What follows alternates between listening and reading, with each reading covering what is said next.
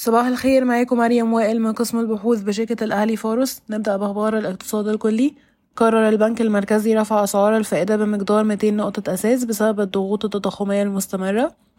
زار فريق من بعثة صندوق النقد الدولي القاهرة خلال الفترة من 17 يناير إلى 1 فبراير لإجراء مناقشات حول استكمال المراجعة الأولى والثانية لبرنامج الإصلاح في مصر.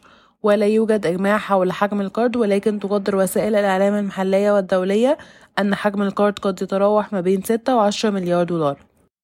تريد وزارة المالية تغيير الطريقة التي تحتسب بها الشركات تكاليف صرف العملات الأجنبية لتحديد قاعدتها الضريبية؟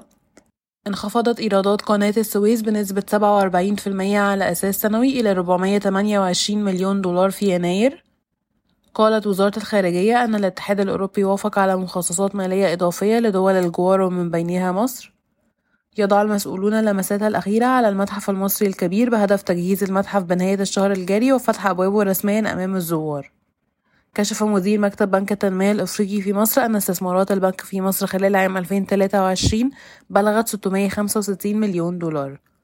قال مدير منطقة الشرق الأوسط وشمال أفريقيا وأوروبا الشرقية وآسيا الوسطى بصندوق أوبك للتنمية أن الصندوق خصص لمصر أكثر من مليار و300 مليون دولار في أكثر من 85 مشروع مختلف.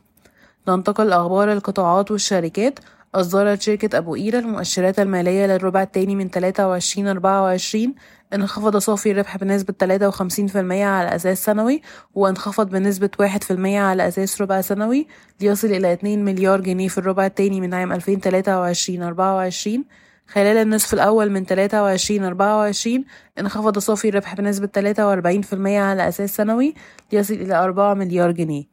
يتداول السهم عند مضاعف ربحية للسنة المالية 23 24 8.6 مرة و EV to EBITDA 6.8 مرة.